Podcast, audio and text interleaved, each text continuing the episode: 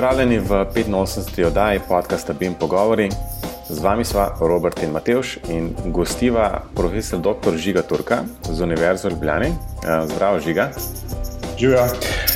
Žiga je bil že gost v oddaji BIM Pogovori in to v deseti oddaji Žiga se mogoče spomniš, kdaj, kjer ga leta sploh je to bilo. Moje, kakšne dve leti nazaj. Ja, 2016, avgusta 2016 je bilo to v bistvu že kar nekaj časa od tega. Um, veliko podkastov, oziroma več veliko daje minil, um, ampak v bistvu najbolj se pogovarjamo še zmeraj o istih stvareh, um, digitalizaciji, napredku v gradbeništvu in podobnih zadevah. In ena stvar, ki se je v zadnjem času um, pojavila um, na večjih koncih, je tako imenovano gradbeništvo 4.0. In vidva dejansko z Robijem sta imela en članek um, na zborovanju gradbenih konstruktorjev na Bledu nekaj, kaj, dva meseca nazaj, kaj tasga, um, ravno na to temo in bi se v bistvu bolj ali manj na to pogovorili. Žiga, mogoče za začetek samo dva stavka, samo za to. Če morda kdo še ni poslušal desete vdaje, pa na vsak način je morate, um, da poveš, um, kdo si, kaj delaš. Ja, jaz sem Žiga Turk, eh, profesor za gradbeno komunikacijo tukaj na Gradbeni fakulteti v Ljubljani učim nekaj predmetov na podiplomskem in dodiplomskem študiju, raziskujem na področju gradbene informatike, vodim programsko skupino e-gradbeništvo, uh, sem nekoliko rekreiran še vedno na Twitterju. Nekako je to to. Danes smo rekli, da bi govorili o, o gradbeništvu 4.0. Fajn bi bilo, da bi najprej povedal, spoh iz česa to izhaja. Zdaj, jaz, jaz osebno vem, da izhaja iz industrije 4.0, ampak ali bi se dal postaviti nek kontekst, da bomo spoh vedeli, kako nastane gradbeništvo 4.0, pa iz česa to izhaja. Ja, zdaj, da sem najprej nekoliko uh, realen ali pa mogoče ciničen. Um, Informacijska tehnologija in vse industrije, ki so s tem povezane, in tudi veliko znanosti, ki je s tem povezana, je zelo podvržena različnim modnim muham in raznim marketinškim uh, trikom in prijemom. In ljudje zelo radi neko izboljšavo uh, definirajo, oziroma dajo vedeti, da je prišlo do nekega izboljšanja tako, da dajo neko številko zadaj, ki je večja kot ena. Ne? Tako da za Web 1.0 nihče ni slišal, uh, za Web 2.0 uh, seveda nas je slišalo veliko, in potem seveda se pojavljajo nekateri, ki govorijo tudi od 3, 4 in tako naprej. Uh, podobno je z dimenzijami v BIM-u. 3D je bilo v redu, 4D je bilo že super, ampak potem je bilo tekmovanje, kdo bo teh del več uh, naredil. In lahko se reče nekaj podobnega, je tudi industrija 4.0, odkudar ta ideja o gradništvu 4.0 prihaja. Um, nekdo je poskušal uh, v zvezi z industrijo 4.0, konkretno uh, nemška industrija oziroma nemška industrijska politika, najti neko, nek težnik za množico nekih konceptov, idej, um, raziskav, inovacij, motivacij da bi prišlo do neke modernizacije v nemški industriji in da bi ta industrija še naprej lahko uspešno tekmovala, predvsem z industrijami v Aziji, da se skratka ustavi selitev industrij, ki nekaj proizvajajo, ki nekaj sestavljajo, ki nekaj šraufajo iz Evrope v Azijo. In so tej zadevi rekli industrija 4.0 kot pač naslednji korak pri razvoju um, industrije, ki se je pravzaprav, ki se razvija tam nekje od srede 18. stoletja naprej. Zdaj, če uh, me vprašaš, ne, katere so potem uh, industrije od 1 do 3, če je že ta 4.0? Točno to bi vprašal zdaj. Si hotel to vprašati? Ja, sem smel mikrofon na mute, nisem bil prav čas. Uh, Ja, ja, no, sej, eh, sej, v bistvu, jaz imam skozi v glavi eno sliko, ki sem jo pač večkrat videl tudi uh, na, na prezentacijah. Uh, in tista slika zelo dobro opiše, ne? pa se tudi potem vidi, da je to logičen naslednji korak uh, vsega skupine. Uh, čeprav je pa, pa vseeno drugače, no? ampak vseeno ti prvi tri koraki, se, ko se jih pove na glas, tako vsi vemo, ampak je pa fino, da se poudarijo. Um, ja, tudi, kaj zem, lepše se to vidi, se slikam. Ja, glede na to, da imamo podcast, uh, mogoče velja te slike malo opisati. Ne, skratka, uh, industrija 1.0 pomeni prvo uvajanje mehanizacije in strojev, se pravi, neke tovarne. Če si jih predstavljamo tam iz uh, srede 18. stoletja, preden se je Valentin Vodnik rodil, ko so neki grobi stroji, ki jih mogoče žene, izjemoma para ali pa vodna moč od takrat naprej, skratka, se potem nekaj razvija um, in moč mišic, živali in ljudi prevzamejo stroji. Uh, industrija 2.0, si lahko predstavljamo nek tekoči trak, ali pa se začne pojavljati v začetku uh, 20. stoletja, ko uh, ti stroji postajajo električni, kar pomeni, da so primerni tudi za neke manjše zadeve, da tudi um, so ti pogoni ne samo za gore premikati, ampak tudi za ne vem, kakšno stvar za šraufati ali kaj premakniti. Lahko si predstavljamo recimo eno proizvodno linijo uh, kakšnih uh, starinskih avtomobilov iz pred prve svetovne vojne. Uh, industrija 3.0 pa potem pride že v sodobni čas, oziroma v tisto, odkuder naprej bi radi z industrijo 4.0 šli. Se pravi, ne gre več samo za elektriko, gre za avtomatizacijo, gre za digitalizacijo, za računalnike, za internet. Tam nekje od leta 1970 naprej naj bi se pa ta industrija dogajala. No, in uh, naslednji korak, uh, industrija 4.0, je pa nekaj, kar se dogaja uh, recimo od uh, preloma tisočletja, oziroma še nekoliko kasneje, od leta 2010 naprej.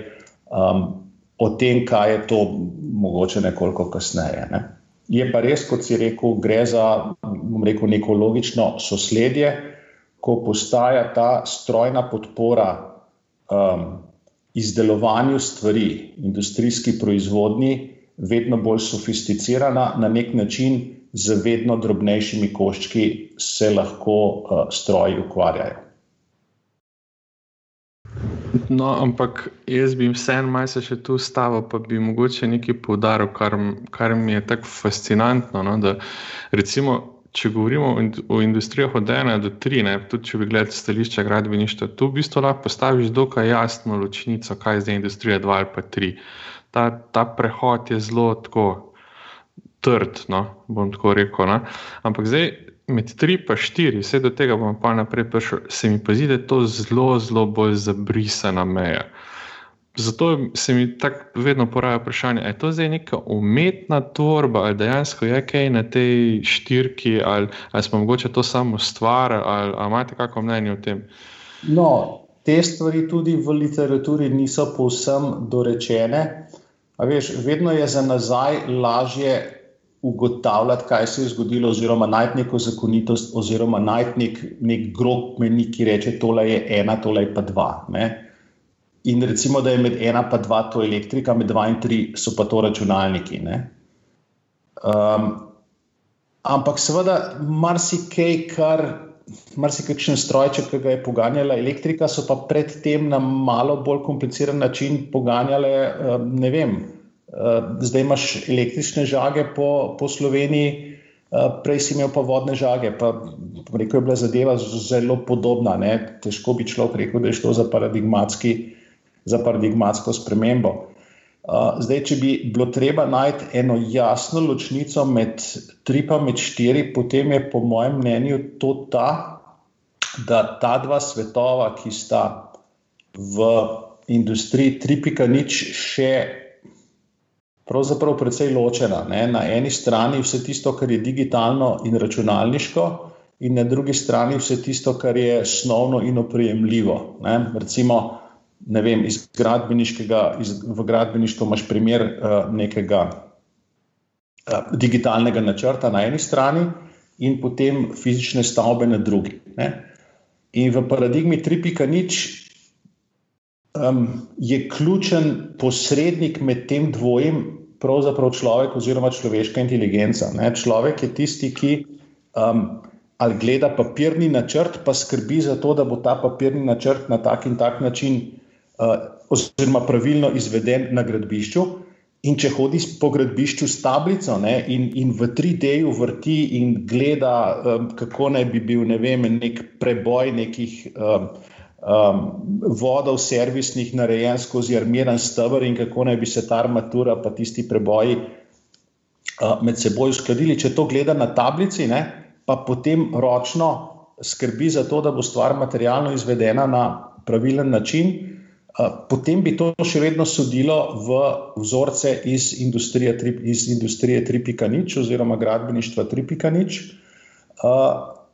Če pa, ta, če pa to človeško posredovanje začne izginjati, ali pa popolnoma izgine, ne, a, potem bi pa lahko rekli, da gre pa za a, industrijo 4.0. Skratka, da se ta kibernetski, digitalni svet, pa materialni svet zlijeta bolj ali manj brez posredovanja človeka. Ne? In podobno bi lahko rekel tudi pri prejšnjih industrijah, ena, dva, tri, ko smo rekli, da ja, je a, stroj nadomestil človeške mišice.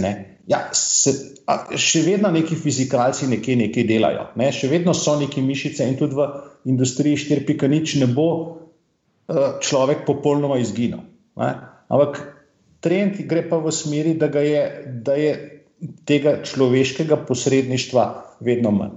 Potem so seveda še neki drugi vidiki, uh, ki, so, um, ki so mogoče še bolj zvezdni. Uh, ampak, če bi mogel, bom rekel, eno tako točko preloma ali pa en tak identifikator, ali je nekaj tri ali štiri, ne, potem bi rekel, koliko tega posredovanja oziroma tega interfejsa med kibernetskim in med fizičnim um, počne, počne uh, človek. Uh, in zato nekateri tudi pravijo, ne, uh, da gre pri industriji 4.0 za kibernetsko-fizične sisteme. Skratka, da ni več kibernetski sistem posebej, pa fizični sistem posebej, ampak da to postane eno, rekel, na podoben način kot. Bom rekel, ne moreš recimo nekega biološkega bitja, ne moreš živčevja tega bitja, pa ne vem, mišič in kosti ločiti. Eh, nekaj podobnega se dogaja, z, naj bi se dogajalo z industrijskimi izdelki. Jaz bi to mogoče za poslušalce urisal eno sliko, ker smo pač na podkastu, pa nimamo eh, slike. Ne? Um, na naši prezentaciji je bila ena fulda dobra slika med 3 in 4, no in pri 3 je bil računalnik, pa je bil produkt, vmes je bil pa človek, ki je mogel pač prevajati ali pa delati nekaj med tem računalnikom in produktom. Pri 4.0 sta pa, pa računalnik, pa pač produkt izdelek, kako koli temu rečemo, pa skoraj sta se prekrivala. Ne? Človek je pa v fotelu sedel, pa pač ne vem, televizijo gledal. Kar je ena taka, se mi zdi, zelo dobro opiše uh, vse, kar mislim, opiše način, na katerega predstavlja industrijo 4.0, čeprav se da ni čisto. No. Uh, Um, Matej, še imaš ti kaj za vprašati, da bomo mi za debatirali?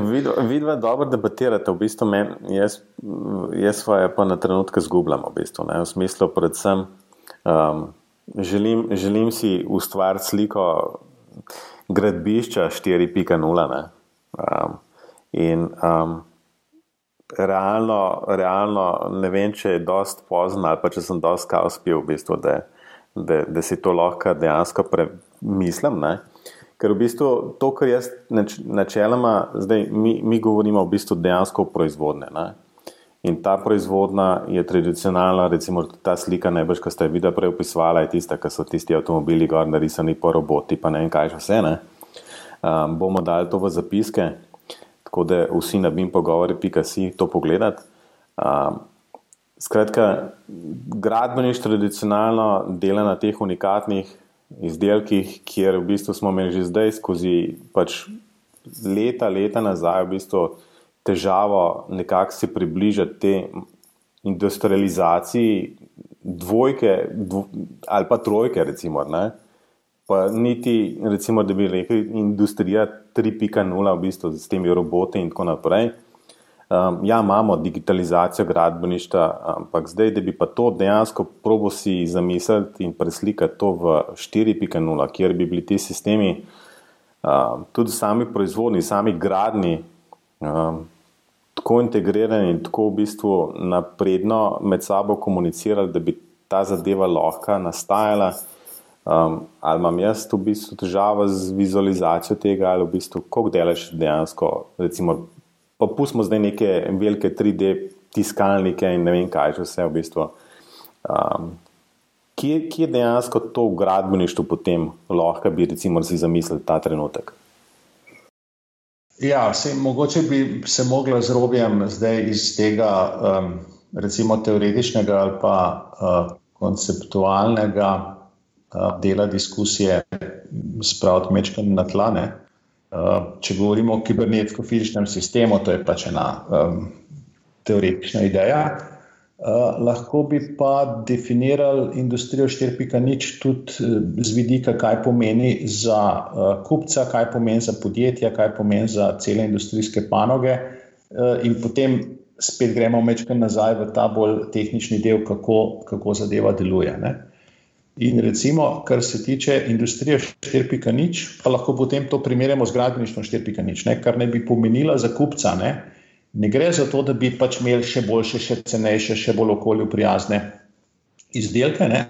ampak če naj bi šlo za izdelek industrije 4.0, potem naj bi šlo za nekaj, kar je prilagojeno posamezniku. Uh, se pravi, da so izdelki delani posebej za nekega kupca in niso za vse ljudi enaki, da so izdelki pametni uh, in da so ti izdelki povezani med seboj, z drugimi izdelki in z ljudmi. Zdaj, če po teh treh točkah pregledamo, recimo, kakšni naj bi bili gradbeni produkti 4.0 z vidika končnega kupca.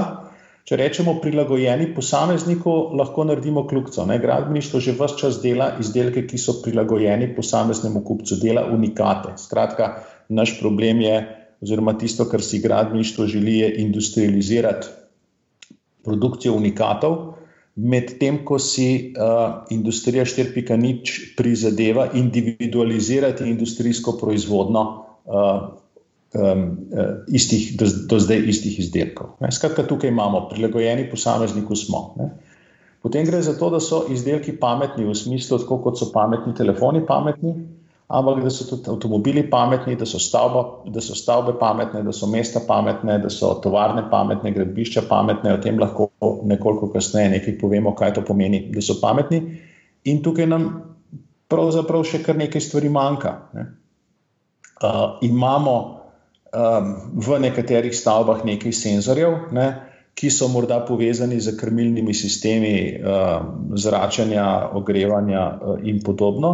Ampak prav neke strašno velike pameti ni. Ne? Na cestah imamo neke števce prometa, ki so morda povezani s semafori, uh, ampak uh, da bi ta cesta, um, bom rekel, se pametno odzivala in prilagajala, zelo odvisno od tega, kakšen sistem za vodenje prometa uh, imajo v kakšnem mestu. Uh, da so ti izdelki med seboj povezani, ne? da bi stavba komunicirala z svojimi uporabniki. Uh, je pa že bistveno bolj redko, redko ne, da bi cesta komunicirala z avtomobili.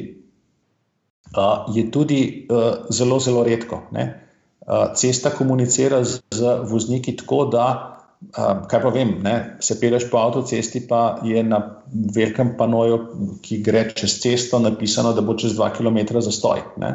To je točno vzorec industrije 3.0, ko imaš sicer digitalno to senzoriko kaj se na cesti dogaja. Imáš digitalni displej, ki ti bo povedal, da se nekaj dogaja, morda imaš digitalni displej za to, da se mora hitrost vozil zmanjšati. Ampak človek je potem tisti umestnik, ki nekemu drugemu uh, izdelku, konkretno avtomobilu, pove, da mora iti bolj počasi, je treba upočasniti. Ne? In pameten oziroma povezan izdelek bi uh, komuniciral med seboj. Podobno bi stavba komunicirala z, z uh, uporabniki te stavbe. Um, spet največ primerov je iz, iz uh, teh um, ugodja bivanja, uh, gradbene fizike, oziroma uh, ogrevanja, hlajenja, osvetljevanja uh, in tako naprej. In, uh, treba je povedati, da uh, take stavbe nastajajo ne? in ponudniki takih, uh, bom rekel, storitev za stavbe obstajajo. In tisto, kar bi moralo nas, gradbenike, zanimati, je, kdo bo integrator teh rešitev, ne? kdo bo tisti, ki bo naredil pametno povezano stavbo prihodnosti, ki, uh, ki bo standard, ki bo nekaj normalnega. Torej, prilagojena posamezniku, to gradbeniki delamo, uh, pametno in povezano bo treba narediti. In uh, skrbeti nas mora, ne, ali ne bodo morda to stavbo pametno in povezano naredili računalnikari, elektrotehniki ali pa strojniki, ne, ki bodo potem od gradbenikov pričakovali, da jim bodo, če nekoliko karikiram, um, ulili beton v, v opaš in uh, postavili opeko na opeko. Ne. Ali pa bo ravno obratno ne, in bodo gradbeniki poklicali za nekatere sisteme na pomoč, tako kot do zdaj strojnike pa še elektrotehnike in računalnikari. To je, eh, se mi zdi, veliko vprašanje, ki je pred celotno gradbeno industrijo, ki skrbi tudi Evropsko federacijo uh, gradbene industrije, FIEK, kjer jaz vodim um, odbor za industrijo 4.0 in kjer razmišljamo, kako peljati uh, industrijo v to smer. Jaz bi mogoče tudi izkoristil malo priložnost, pa bi dal nekaj primerov iz ne vem, iz dejansko izgradbeništva danes, pa bi jih mogoče pa postavili v kontekst izgradbeništva 4.0. Zdaj, zdaj je bilo nekaj govora o tem, da bi naj eh, recimo cesta komunicirala sama z vozilom. Ne? Ker kar se zdaj dogaja, da dejansko dobiš obvestilo na telefon, ampak še vedno je človek tisto mes, ki potem s eh, avtom reagira. Ne?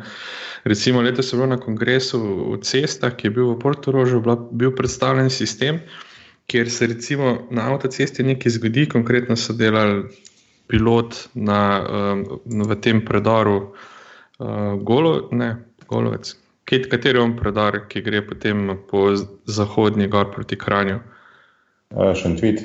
Ja, Šentvit, pardon. No, predor Šentvit in so ugradili sistem, kjer če se je nekaj zgodil, če se je vozilo ustavilo v predoru, je sam obvestil avto, pač vozilo, ki se je približevalo predaru, da se nekaj dogaja ne? in se vozniku lepo na armaturni plošči pojavlja, da ne pazi, ne ustavi kakorkoli. In to je to že en, recimo, en tak primer. Primer, kam se industrija seli, ne? se pravi, infrastruktura opozarja uporabnika, da se nekaj dogaja. Ne? um, ne pa ne direktno človek, ampak pač lahko bi tudi z avtom, bi recimo ustavil avto, kako koli. En primer, tako so tudi ti radarji ali pa to, kar Tesla dela, kako koli. No. Drug, recimo, tak primer. So pa te stavbe, ki so potresno izolirane, ki imajo ugrajena nihala. Ne, in, in ta nihala zdaj se v bistvu tako premikajo, da poskušajo neutralizirati sile, ki delujejo, potresne sile, ki delujejo na stavbo.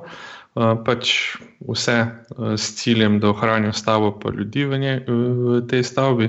Ampak to so tudi že enkrat, ne vem, ali so debatirali s kom drugim, no, da, da vsi ti sistemi do zdaj so bili pripravljeni pa čist lepo algoritmično. Ne, če se to zgodi, se to zgodi in tako naprej. Ne.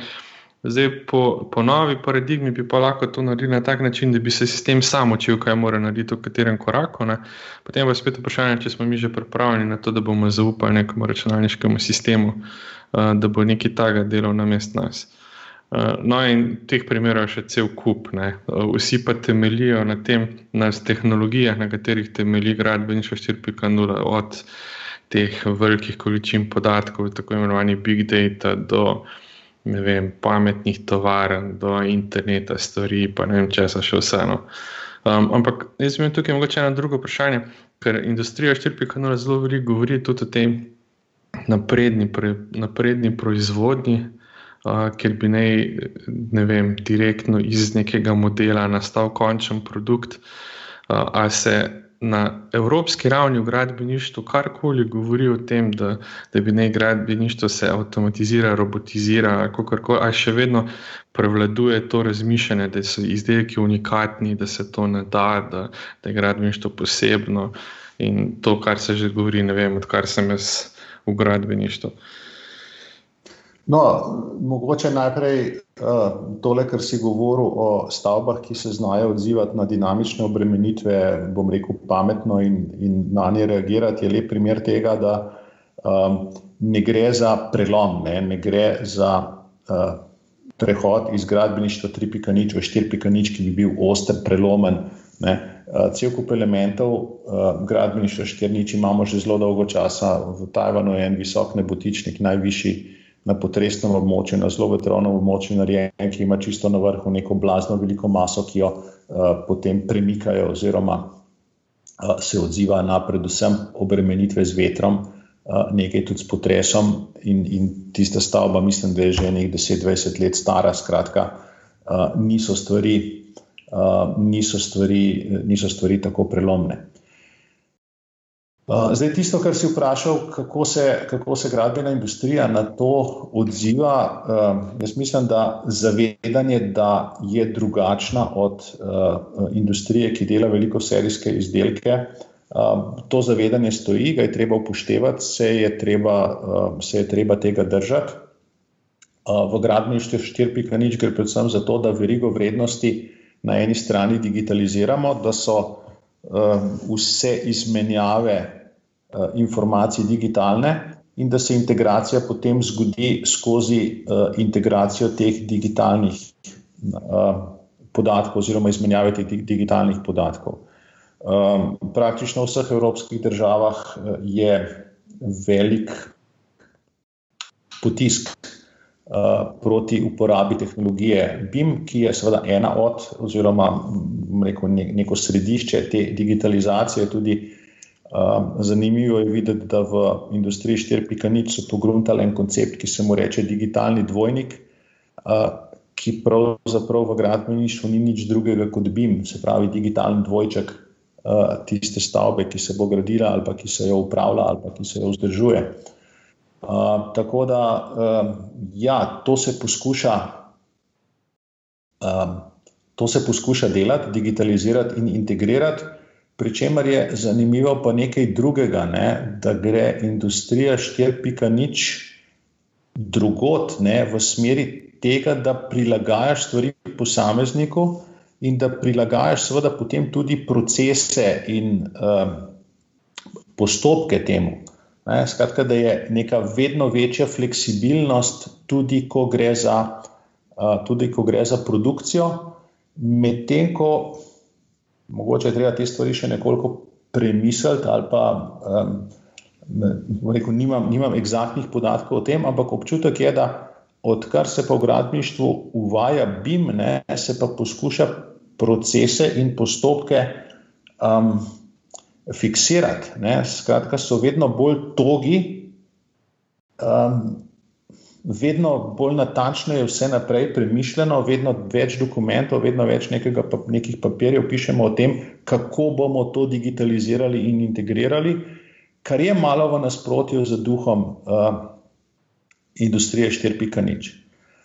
Um, Druga stvar, ki je pomembna z vidika uh, poslovanja, mogoče ne toliko z vidika produkcije, ne, za katero smo rekli digitalizirana, integrirana, ampak z vidika uh, poslovanja, se pravi, odkot od prihaja dodana vrednost, uh, kakšni so poslovni modeli.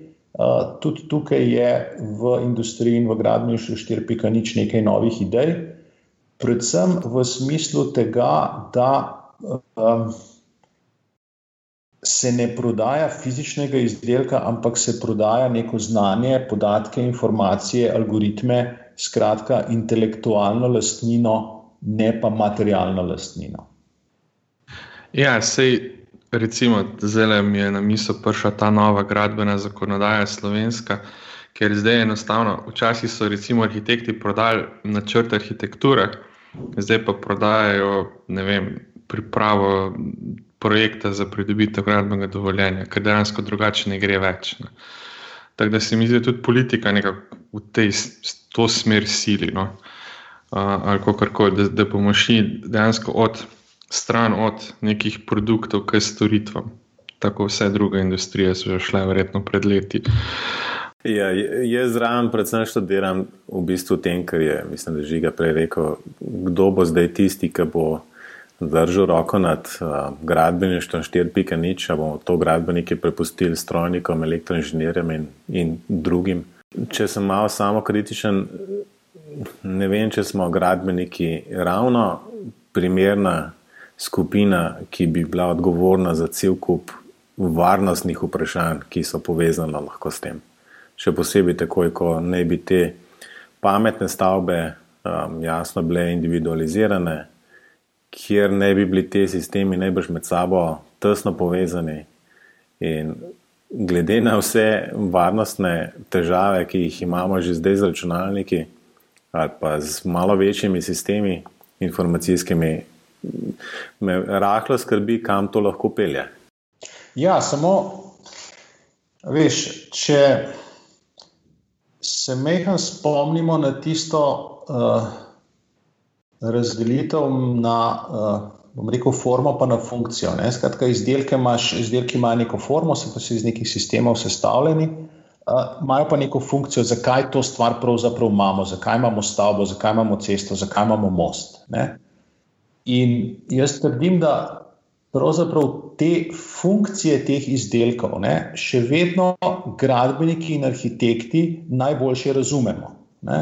Arhitekti mogoče malo bolj funkcijo v smislu tega, kar si tudi lajk predstavlja kot funkcijo, torej, um, ne, da bo funkcija zdravljenja, učenja, skratka, bolnica, šola, uh, stanovanski blok in tako naprej. Gradbeniki funkcijo v smislu, da bo zadeva zdržala veter, potres, statične obremenitve, težke tovornjake, tanke, ki se čez most peljajo, gnečo pešco in tako naprej. Ne? Skratka, najboljše funkcijo teh izdelkov poznamo mi skupaj z arhitekti. Um, in to, o čemer pa govorimo, ne, o teh izdelkih, ki so pametni, povezani in tako naprej, gre pa vendarle za formo, gre za to, na kakšen način so pa te stvari realizirane.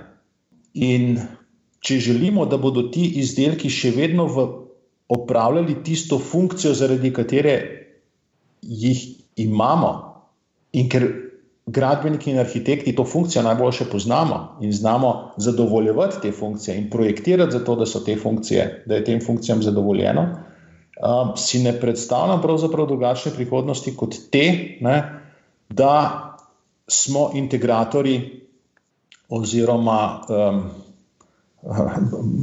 bom rekel, nadizvajalci uh, vseh takih izdelkov, še vedno, še vedno gradbeniki, da se bo pa seveda treba naslanjati na računalnike, elektrotehnike in druge, ker postajajo zadeve komplicirane. Uh, Matej, omenil si uh, varnost. Ne?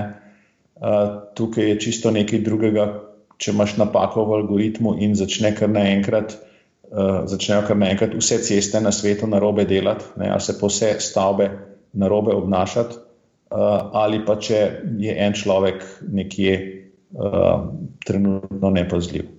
Malo smo se že dotaknili, zdaj, kam tukaj noter bim sodi. Uh, jaz bi mogoče prosil, če bi ga malo bolj umestili tukaj v kontekst, ker jaz imam občutek, no tudi po teh naših, vse ne vem, koliko daje že, Matej, što imaš ti te številke v rokavu. Uh, Ampak zdi se mi, da v zadnjih letih karkoli je napredka v gradbeništvu, se vse vrti okrog Bima.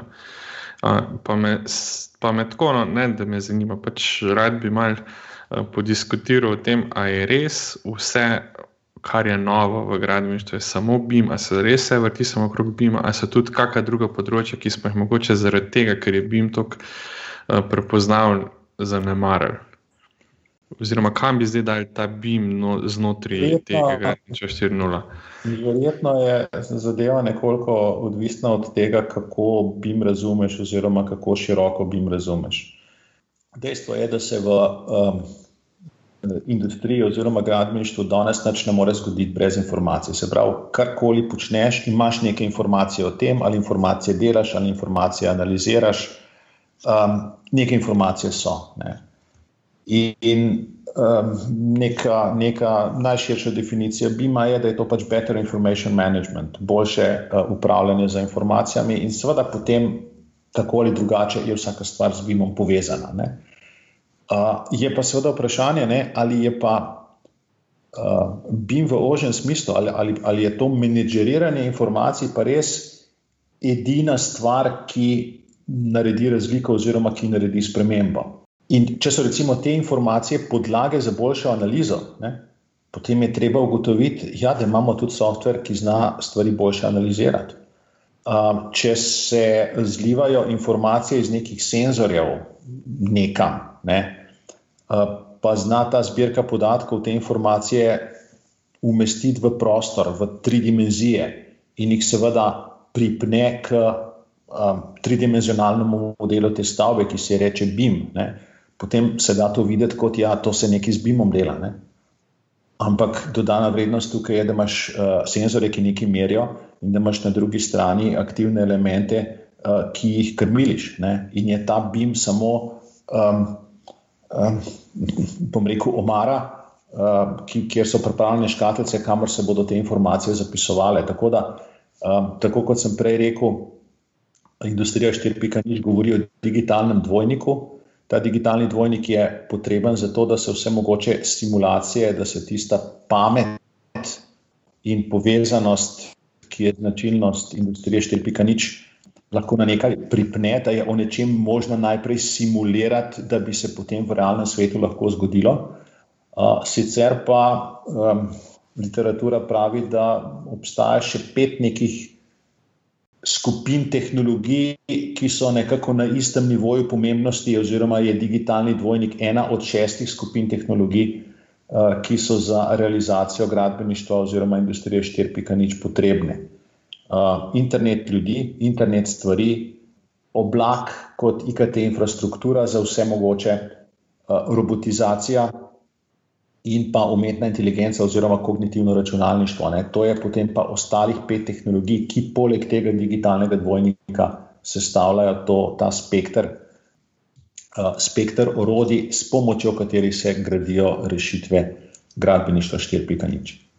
Jaz bi mogoče sem dodal en primer, ki sem se ga spomnil, pa da ga tudi mogoče postavimo v kontekst uh, gradbeništva, pa bim pogovorov. Uh, Matej, če se spomnim, smo tudi na Beam Worldu v Münchnu srečali uh, najne dobre kolege iz Trima, uh, ki so tudi gostila uh, kakšnega gosta in oni imajo te svoje fasade, kubi ser, pa kubi svan, pa ne vem, mogoče zdaj že kakšna nova izvedba, ki so v bistvu zelo narejene po teh principih.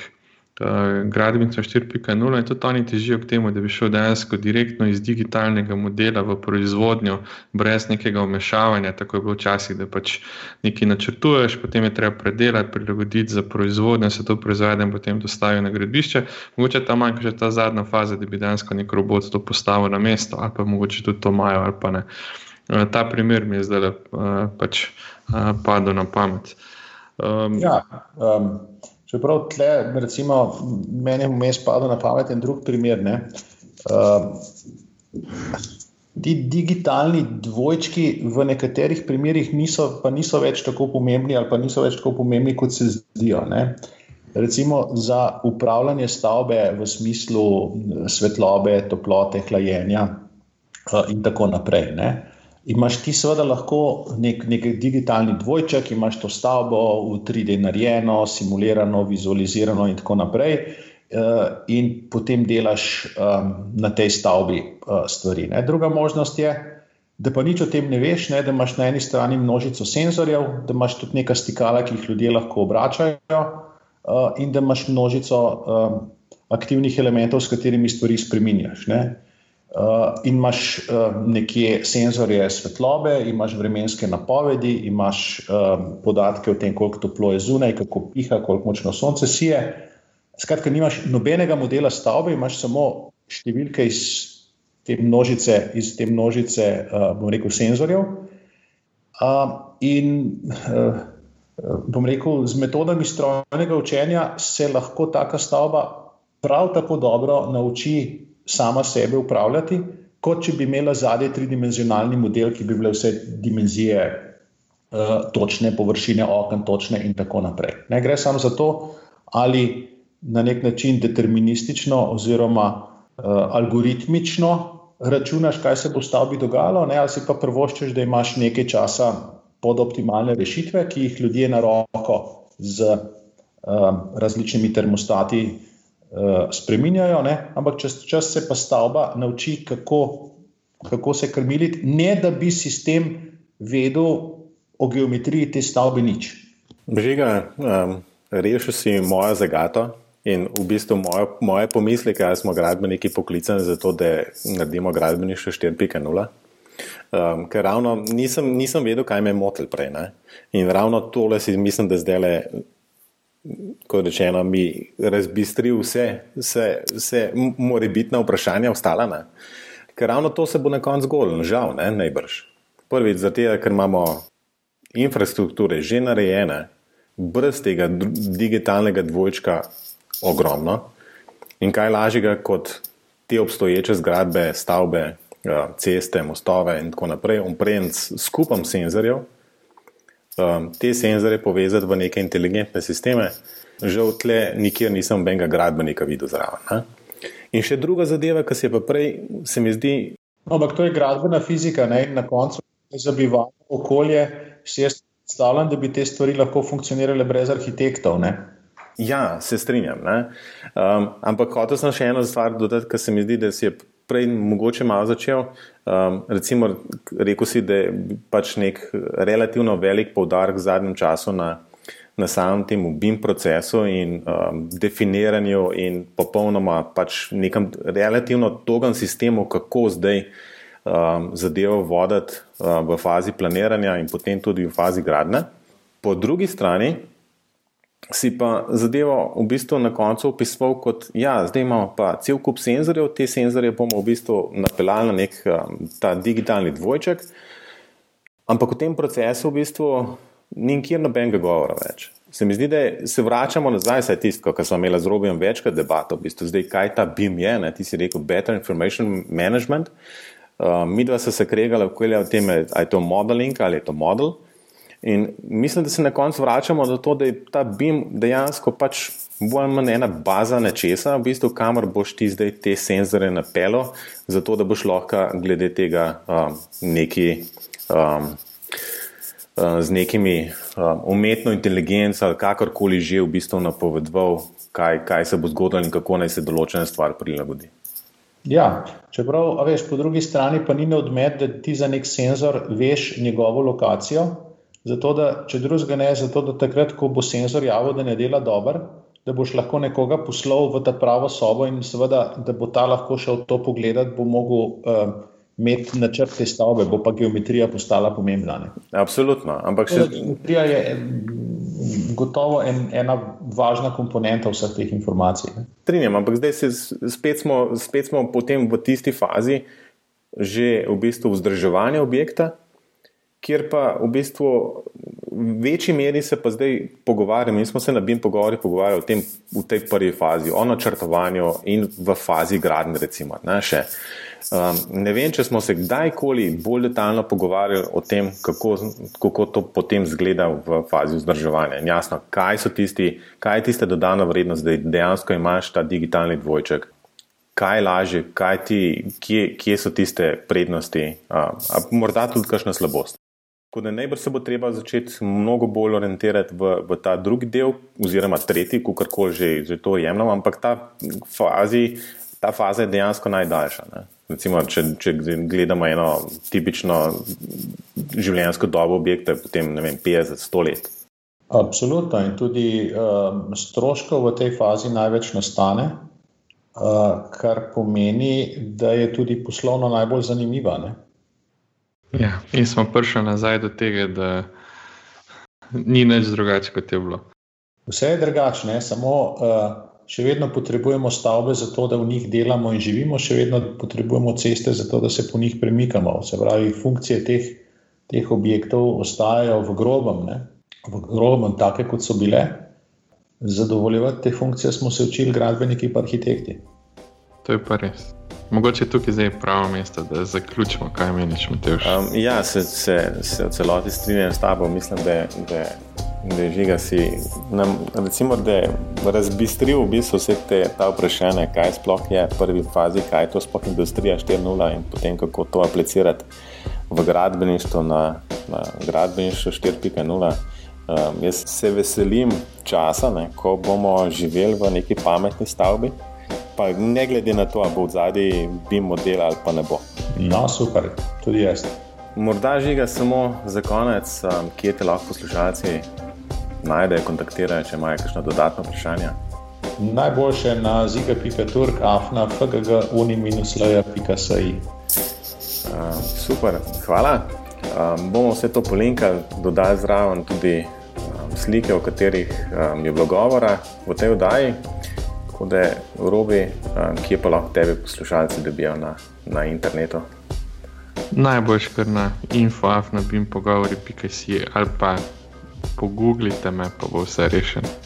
Hvala. V bistvu, kot rečeno, vedno poudarjava, da pričakuje kakšen e-mail, kakšno elektronsko pošto. Mislim, da je bil ta tema glede gradbeništva 4.0 zelo zanimiva in mislim, da je spodbudila kakšno vprašanje. Tako da vsekakor kakšen e-mail na infoafna.bimpogovori.si. Lahko pa morda že napoveva en dogodek, ki bo 22. januarja v Škofiloki, v Knauf Insulation, Hermes um, organizira en dogodek in z Robijem bova, bova tam um, vodila eno okroglo mizo. In morda, če bo tehnološko vse um, malo sreče bilo, ne, um, bodo to tudi prvi pogovori, um, bim pogovori v živo. Tako da spremljite Facebook, tako da upam, da se vidimo čez en teden. Ja, tako rekoč, bim, bim pogovori 4.0. Samo še senzorjev ne bomo imeli. Um, neč, žiga, najlepša hvala za tvoj čas. Hvala, hvala za povabilo. Žiga in robi, adijo. Adijo.